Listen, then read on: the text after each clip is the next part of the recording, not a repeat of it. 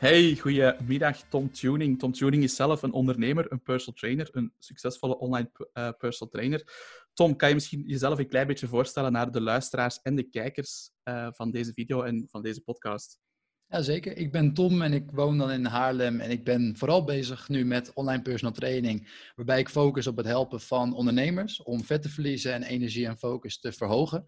Uh, hiermee ben ik begonnen sinds ik nu ook al een paar jaar bezig ben met social media, vooral met YouTube was altijd mijn hoofdkanaal. Maakte ik heel veel uh, video's op het gebied van persoonlijke performance, gezondheid en het fysieke onderdeel natuurlijk. Uh, begonnen als personal trainer een paar jaar geleden. En vanaf daar echt naar dat online personal training geschoven eigenlijk. Dat een tijd als combinatie gedaan. En, en toen steeds meer gaan focussen op ook richting de niche gaan werken om ondernemers specifiek te helpen. En niet alleen met fysieke doelen, maar echt op het verhogen van energie en focus. En omdat ik altijd heel erg van mening ben geweest op het moment als je ja, je eigen performance zo optimaal mogelijk kan maken. Dus met volle energie en focus door de dag heen kan gaan. Dat je ook de beste resultaten in je bedrijf haalt. Of überhaupt gewoon ja, positiever bent in het algemeen. Dus van daaruit uh, vind ik het super tof om daar mensen mee te helpen. Super, heel mooie introductie.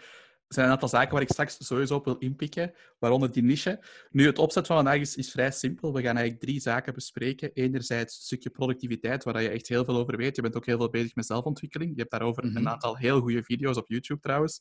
Dank je. Uh, tweede topic is um, het stukje personal training, eh, online personal training. En daar gaan we focussen op een klein stukje marketing en een klein stukje business. Dat zijn heel interessante topics voor onze luisteraars. Laten we beginnen met het eerste stukje productiviteit. Tom, ik zei het voor dit interview eigenlijk ook al, voor deze podcast zei ik het ook al. Ik coach heel veel personal trainers en ik merk dat heel veel ondernemers, maar ook zeker personal trainers, moeite hebben met focus behouden. Mm -hmm. Welk advies kan jij meegeven of wat pas jij zelf toe op jouw eigen leven en op jouw eigen business om productiever te ondernemen? Mm, ik denk dat dat echt een hele, hele sterke vraag is. Ook omdat er zoveel dingen samenvallen om je focus te verhogen. Ik denk dat ook heel veel mensen altijd zoeken naar de productiviteitshack, uh, drie tips en vervolgens dat je productiviteit vijf keer of tien keer hoger is. En helaas is het niet zo, omdat er zoveel factoren tegenwoordig zijn die ons willen afleiden, waaronder bijvoorbeeld uh, je telefoon. En ik denk dat het eerste wat heel erg belangrijk is wanneer je focus wilt verhogen, is het beperken van triggers of afleidingen. Het is iets wat heel erg voor de hand ligt, maar een stap wat we heel vaak overslaan. Want denk maar eens na dat je bezig bent met een taak waar je op wilt focussen. En hoe groot is de kans dat of de telefoon nog in de buurt ligt, of dat er nog een mailvenster open staat. En elke keer dat er een trigger komt waardoor we uit onze afleiding of waardoor we uit onze focus komen, kan het 10 tot 20 minuten duren voordat je weer in dezelfde oorspronkelijke focus zit. Nou ja, wanneer je dat elke 20 minuten hebt, betekent het dus dat je gewoon nooit in je echte focus komt. Dus ik denk dat dat al een hele belangrijke is. Echt het beperken van triggers, van afleidingen. En, uh, en ja, dat zou het eerste zijn wat ik, uh, wat ik zou zeggen om je focus te verhogen. Ja, en, en heel concreet dan misschien gewoon als we dan kijken naar time management, ik ben ook iemand, ik hou ervan om mijn werk op te delen in blokken, meestal blokken van twee of drie uur maximum. Dat is mijn maximale focus. Mm -hmm. Tijdens die tijd zeg ik ook tegen mezelf, oké okay, Jeroen, nu gaan we Facebook, Instagram afzetten. Die telefoon gaat op stil. Ik draai die om met het scherm naar beneden, dat ik mijn scherm niet kan zien. Zijn er nog zo concrete tips hoe je dat social media gebruik en, en het gebruik van, van je smartphone kan, kan reduceren? Ja, zeker. Ik denk dat, voordat ik daarop inga, vind ik het ook wel een hele goede wat je net zei met dat je werkt in werkblokken. Want ik denk dat dat ook een hele sterke is om je focus te verhogen. De reden daarvan is vooral omdat op het moment dat wij heel veel keuzes hebben, dat het ook heel erg lastig is om dan volledig te kunnen focussen op bepaalde dingen. Net zoals dat wanneer jij, wat we heel veel personal trainers herkennen, dat op het moment als er heel veel ongezonde voeding in huis is, ligt, is het veel moeilijker om te gaan voor die gezonde opties. En eigenlijk is je business hetzelfde, dat jij 100 taken kan hebben op een dag. En is het heel moeilijk om te focussen op die ene taak waar jij nu op wilt focussen. Dus door werkblokken te gebruiken en die vast te zetten in je agenda bijvoorbeeld, met bepaalde momenten, bepaalde taken te doen, dan is er heel weinig keuze. Dus kan je heel erg makkelijk in die flow komen. En kan je heel erg makkelijk de juiste keuze doen en daarin volle focus in opgaan. Dus dat uh, onderdeel van werkblokken, dat is al een hele, een hele sterke.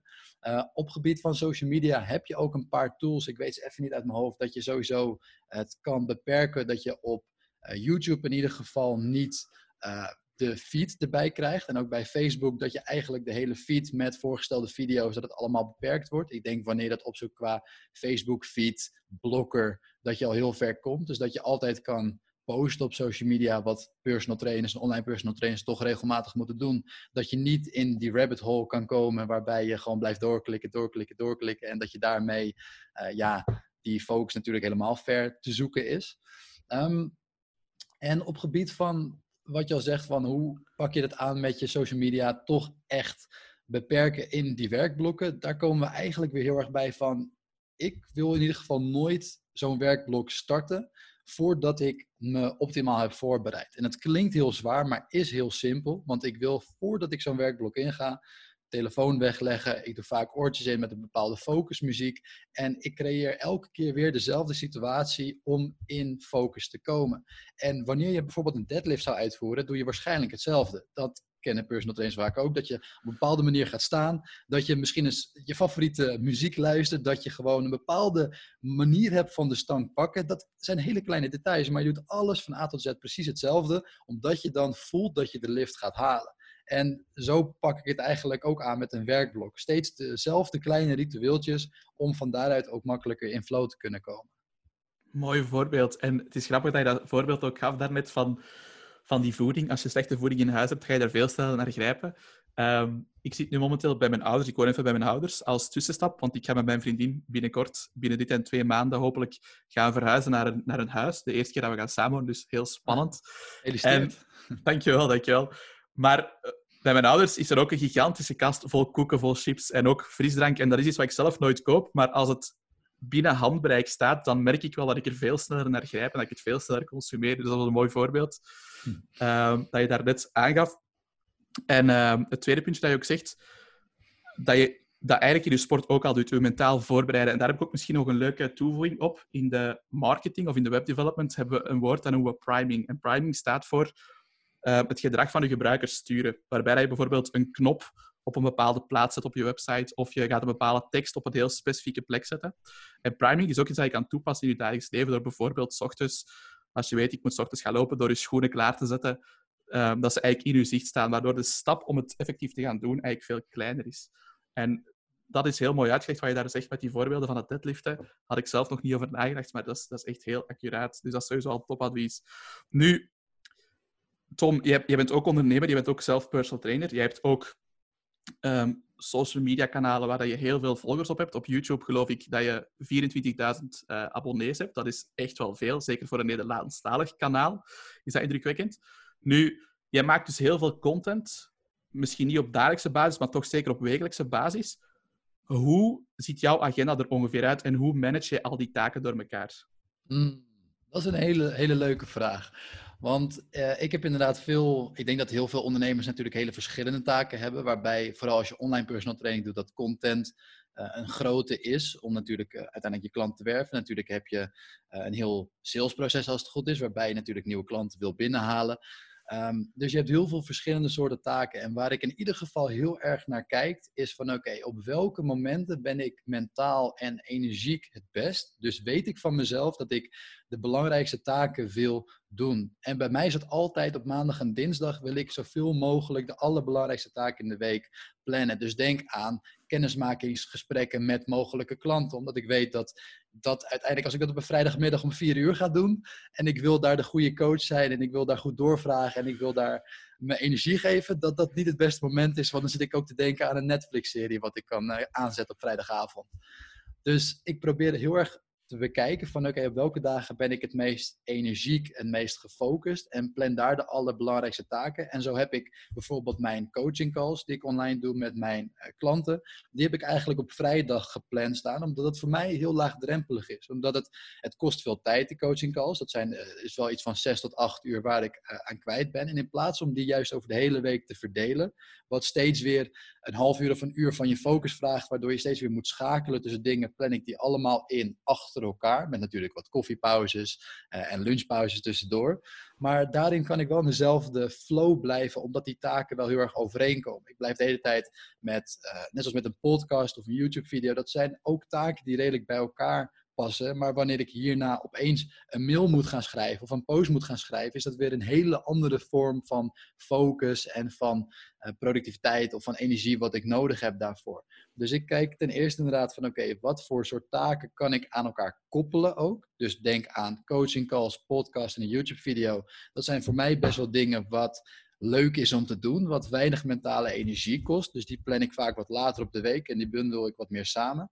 En zo plan ik dan de, de belangrijkste dingen, wat vaak te maken heeft met nieuwe klanten werven of marketingdingen aanpassen, plan ik naar wat eerder op de week. Eh, zodat ik daar de volle energie en focus voor nodig heb. En soms zijn het ook niet altijd de leukste dingen, dus heb ik daar ook nog het meeste wilskracht voor over, om zo maar te zeggen.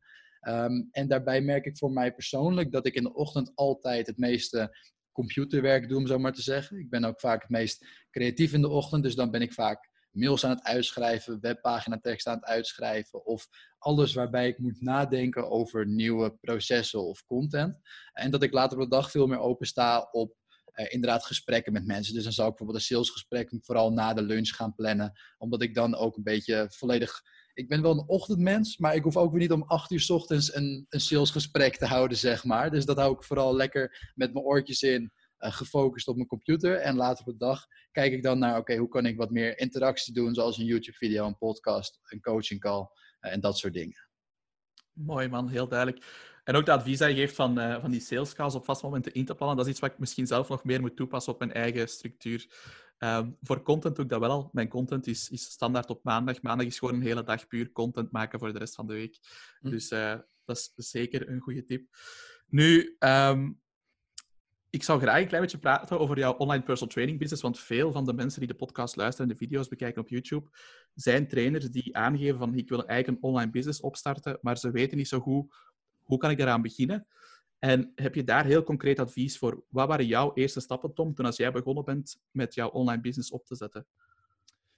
Dat is wel echt even een tijd geleden, dus ik moet eventjes weer, uh, weer goed nadenken. Want ik ben inmiddels drie jaar geleden, denk ik, echt gestart als online personal trainer. En in het begin deed ik gewoon uh, vooral gefocust op eigenlijk iedereen die mij aansprak of benaderde of klant zou willen worden, dat ik die ook zou helpen. En dat is een tijd oké gegaan, maar ik merkte wel dat het daarbij de, de echte groei nog niet kwam. En op het moment dat ik nu een half jaar tot een jaar geleden echt de stap heb genomen om juist heel specifiek te worden naar een bepaalde niche, toen is het voor mij echt uh, ontzettend eh, gaan toenemen qua klantenstroom en ook aanbevelingen van klanten naar, naar andere potentiële klanten. Omdat ik een beetje in Nederland in, Engeland en Amerika had je het al, echt specifiek uh, mensen die ondernemers coachten op gebied van focus en energie. Maar in Nederland had je dat eigenlijk niet.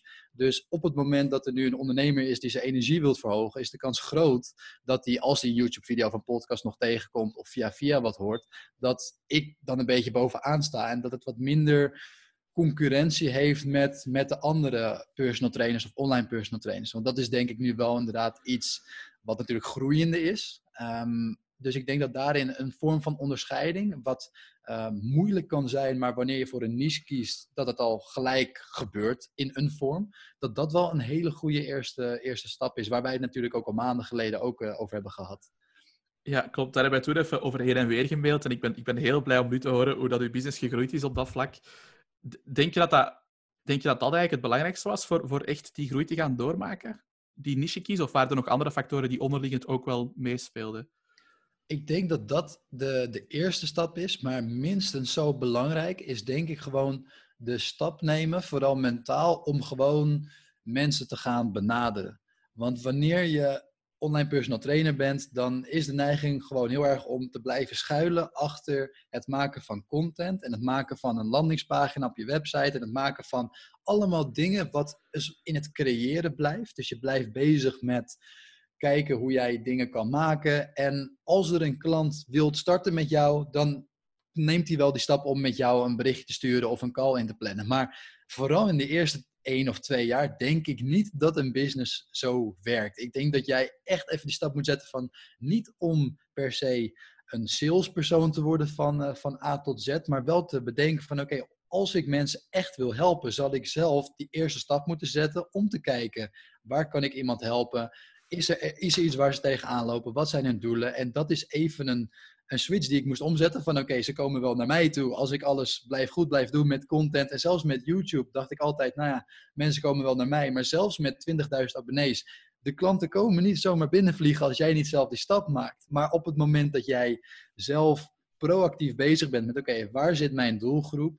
Uh, en een leuk weetje is dat lang niet al mijn klanten van YouTube komen. Dus voel je niet gedemotiveerd als jij geen 10.000 of 1000 volgers hebt. Maar weet gewoon waar, kunnen jou, waar kan jouw doelgroep zitten. Daarvoor is het dus belangrijk om eerst je niche duidelijk te hebben. En van daaruit, wees niet bang om contact aan te gaan. En uh, gewoon door te vragen. En, en niet eens te kijken of je iets kan verkopen, maar gewoon te kijken: oké, wat is hun situatie? Waar lopen ze tegenaan? En hoe zou ik hun kunnen helpen? En als jij niet per se heel erg salesy overkomt, maar echt als een vertrouwde adviseur om te kijken: oké, wat is je situatie en waar loop je tegenaan? Dan krijg je ook een heel ander gesprek in een DM-bericht, maar ook in een, in een eigenlijk een salesgesprek.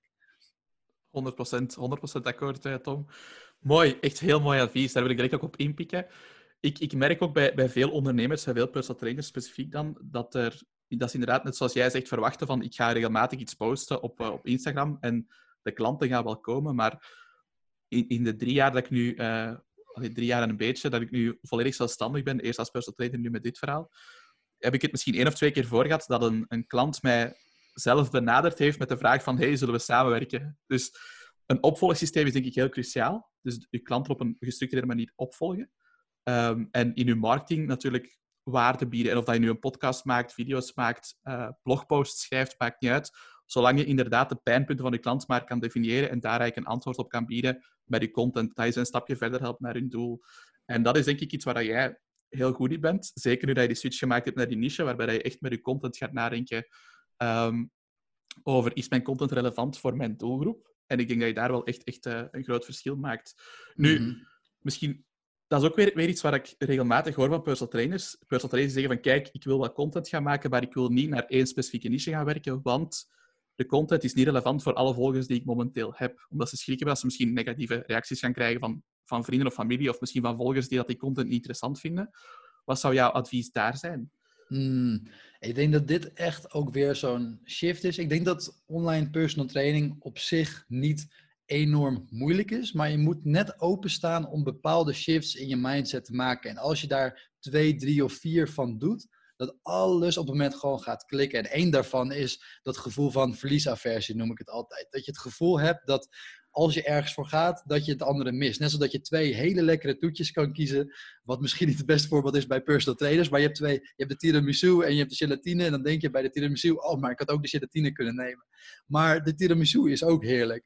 Maar ik denk dat juist doordat je die keuze maakt en heel erg duidelijk maakt dat jij de persoon bent om hun te helpen, dat je niet, ja, misschien dat je daarbij niet zoveel andere mensen zal gaan helpen, maar je hebt ook zoveel minder concurrentie. Want anders blijven de potentiële klanten nog honderd alternatieven voor jou hebben. En als jij niche kiest, heb je misschien nog wel een paar concurrenten, maar misschien zijn het maar een handje vol. En als jij dan de persoon bent die waarde biedt en een, een berichtje stuurt met waar kan ik je verder mee helpen of waar loop je tegenaan, dan heb je een veel sterkere positie. En ik denk dat het ook heel goed is om te realiseren dat we willen allemaal graag zoveel mogelijk mensen bereiken. En dat weet ik ook vanuit mijn YouTube-kanaal. Was mijn doel altijd: ik wil 100.000 abonnees en zoveel mogelijk mensen bereiken.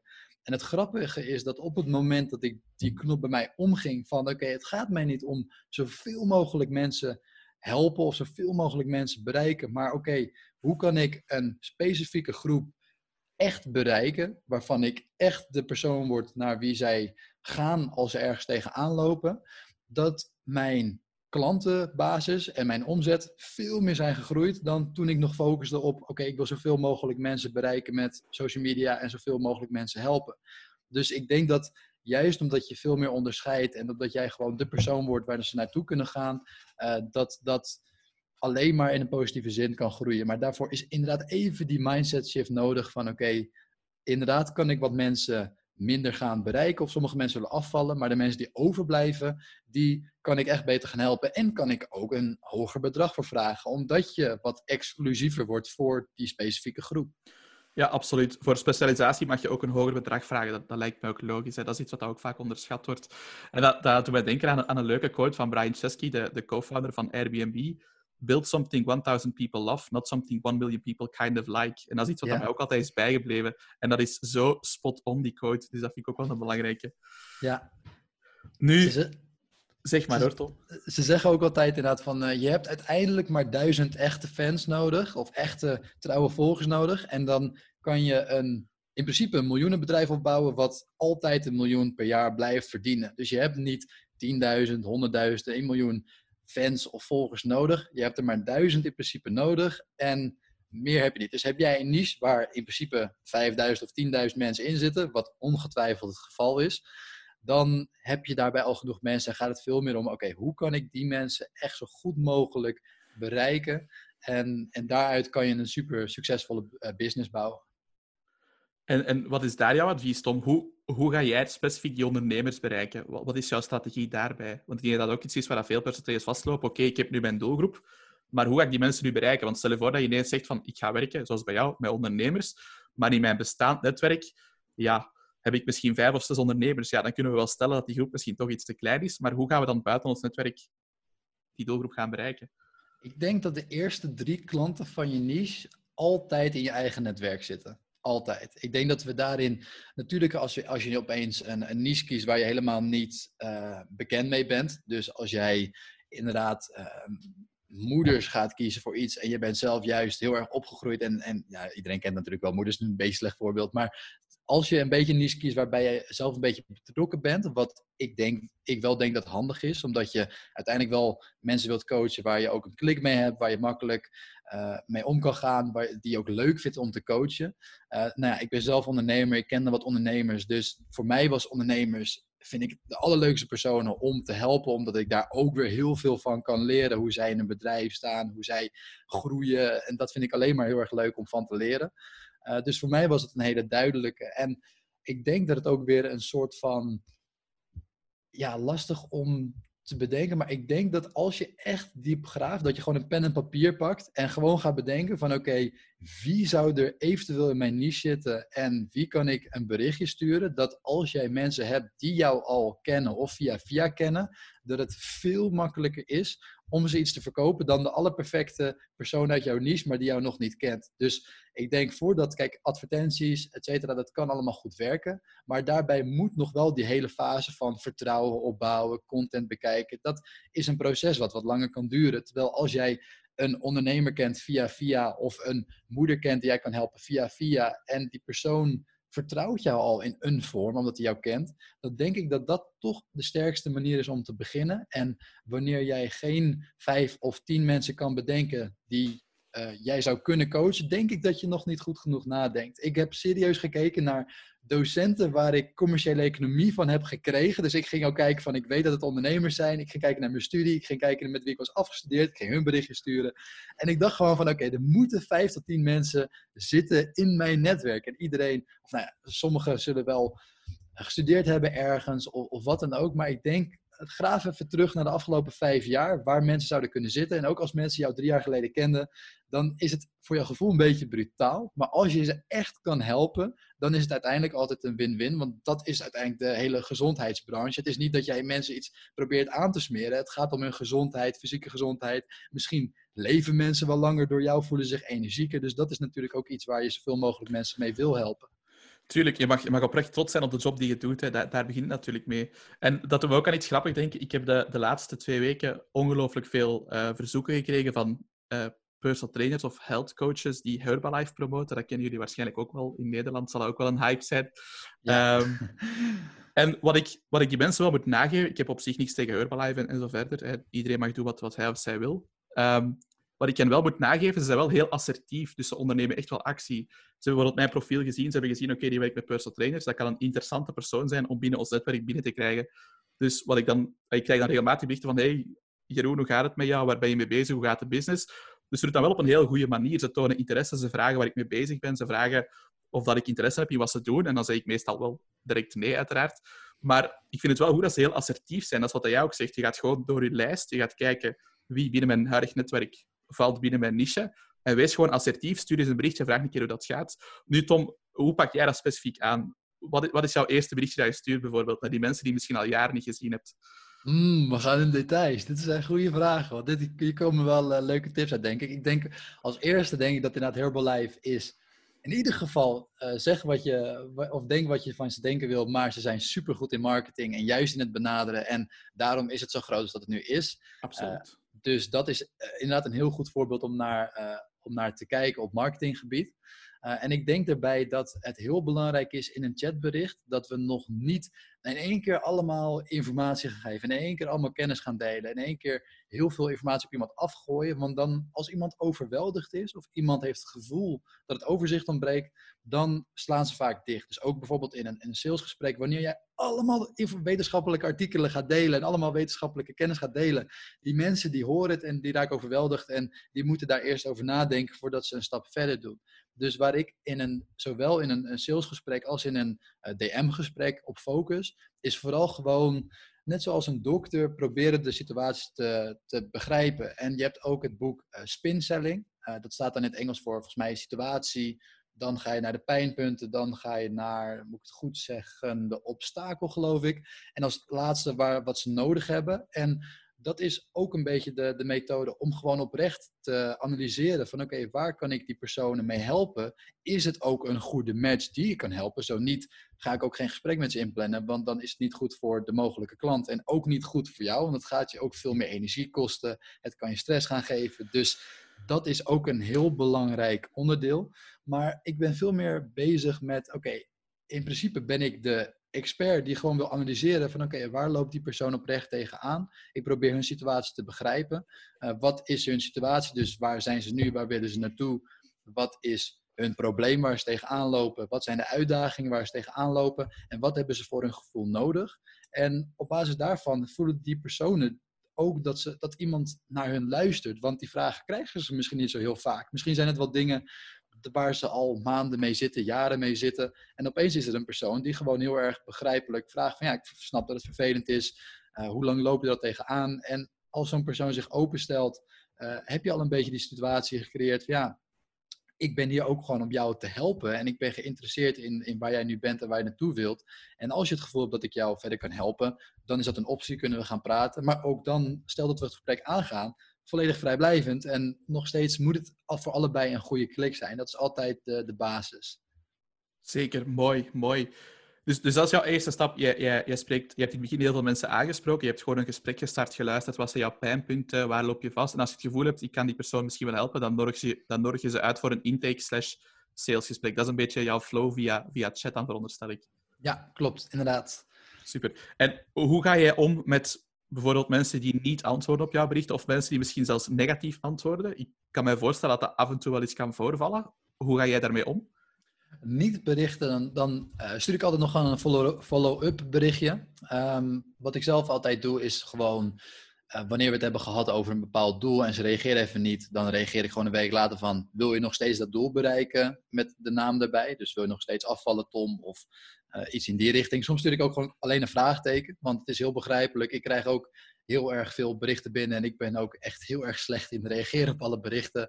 Uh, dus ik weet ook hoe het is dat het vaak ook helemaal niet persoonlijk is. Dus vaak heb ik het gevoel van, oh, die persoon wil helemaal niks met ons te maken hebben en die, die vindt me irritant en, en die wil er niet over praten. Terwijl heel vaak is het gewoon, die heeft het gewoon geopend, vervolgens ging die verder met zijn training of met wat dan ook en vergeet hij gewoon te reageren.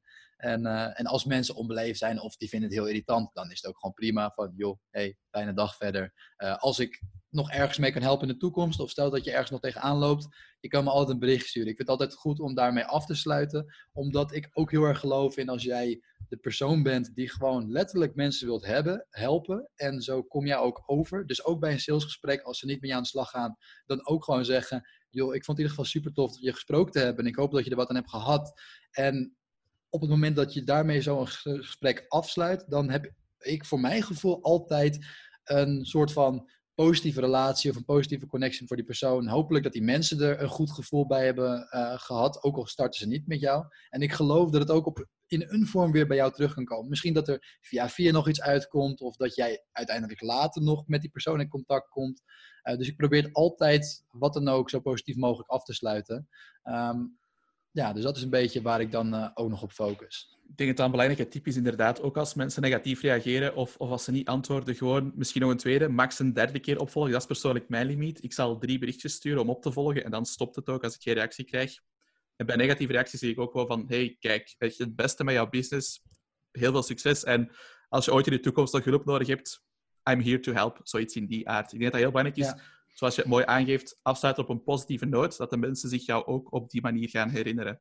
Want het is niet omdat van, mensen vandaag geen business met jou willen doen, dat ze binnen drie of zes maanden geen business met jou willen doen. Dat is niet uitgesloten.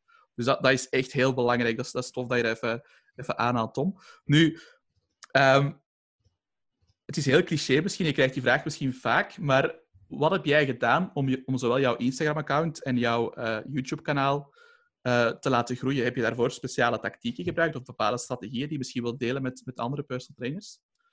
Ik denk dat ik met, uh, vooral vanuit YouTube kan spreken, dat ik daar gewoon heel erg op heb gefocust. En ik ben zelf eigenlijk met Instagram erbij uh, gaan doen. Maar met YouTube kon ik net wat makkelijker specifieke topics behandelen. Dus dan heb je ook dat mensen daarop kunnen zoeken. Zoals 10 tips voor afvallen of wat het topic dan ook is.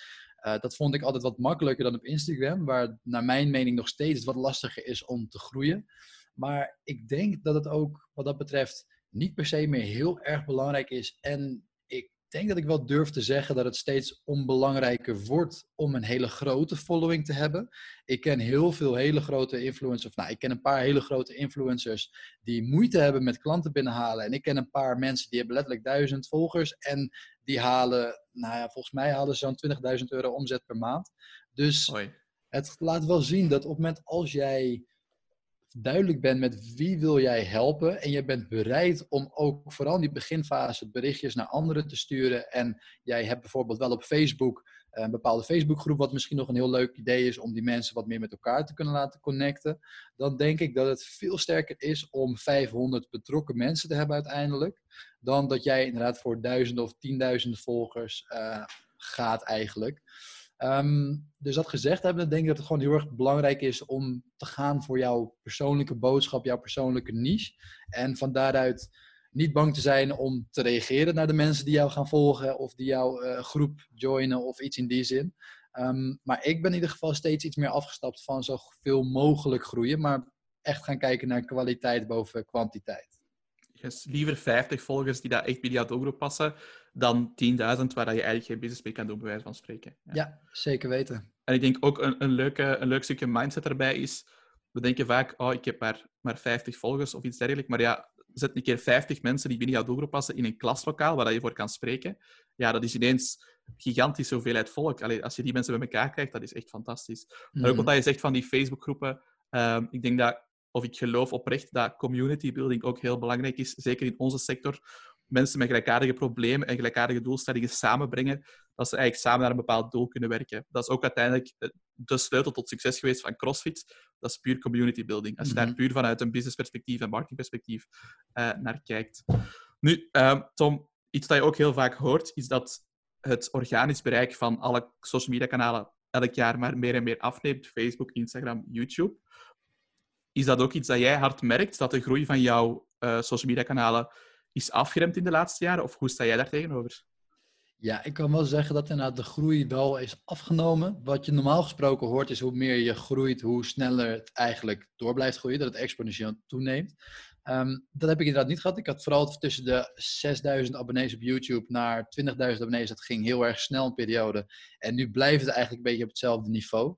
Uh, dus dat merk ik wel. Ook hetzelfde eigenlijk op Instagram. En wat wel weer heel sterk dan kan zijn natuurlijk, is waarvan ik weet dat jij natuurlijk ook een fan bent, uh, waar jij van ook jij een fan bent, uh, is natuurlijk het adverteren. Um, dus ik denk wanneer jij merkte dat inderdaad gewoon wat moeizamer groeit, dat wanneer jij ook heel erg specifiek bent naar de doelgroep die jij wilt helpen en dat jij, jouw profiel daarop ook goed, sterk um, dat jouw profiel ook sterk eruit ziet voor die persoon. En op het moment dat jij daarbij advertenties kan gaan draaien naar die specifieke groep, dat van daaruit ook je following kan, kan groeien eigenlijk. Um, en ik denk dat adverteren steeds belangrijker wordt. En vooral in de wat latere fase om te blijven groeien. Vooral denk ik op Instagram. Maar het zou net zo goed op Facebook kunnen zijn naar je Facebookgroep. Dus ik denk dat het organisch groeien wel inderdaad steeds lastiger wordt, omdat steeds meer mensen ja, online zijn op Instagram met verschillende Instagram-accounts en, en er steeds meer advertenties ook komen. Dus dat is denk ik ook met advertenties waarschijnlijk wel in de toekomst handig om erbij te gaan doen. Uh, vooral wanneer je die doelgroep sterk voor ogen hebt. Ja, ik vind het ook leuk dat je zegt, ik weet dat je fan bent van adverteren. Um, ik, ik ben fan van adverteren, maar het is niet dat ik de rest uitsluit. Het, het, het ding waar ik zelf een beetje moeite mee heb, is inderdaad... Um, er zijn veel business coaches en, en succesvolle personal trainers, waar ik ook al mee gesproken heb, die zeggen, als ik vandaag opnieuw zou beginnen, ik zou gewoon elke dag vijf video's maken of ik zou elke dag vijf keer posten op Instagram en ik zou binnen de zoveel tijd terug staan waar ik nu sta. Ik begrijp dat dat, dat dat vijf of tien jaar geleden perfect mogelijk was, maar ik denk dat dat vandaag een pak moeilijker is en dat dat vaak onderschat wordt. En dat is vaak ook het advies dat gegeven wordt naar personal trainers. En als personal trainers dat drie maanden intensief posten, maar ze zien geen groei, dan is dat mhm. enorm frustrerend. En daarom geloof ik erin dat je echt moet gaan zorgen dat je verschillende stromen hebt van, van verkeer, van leads, van klanten, dat je niet afhankelijk bent van één platform.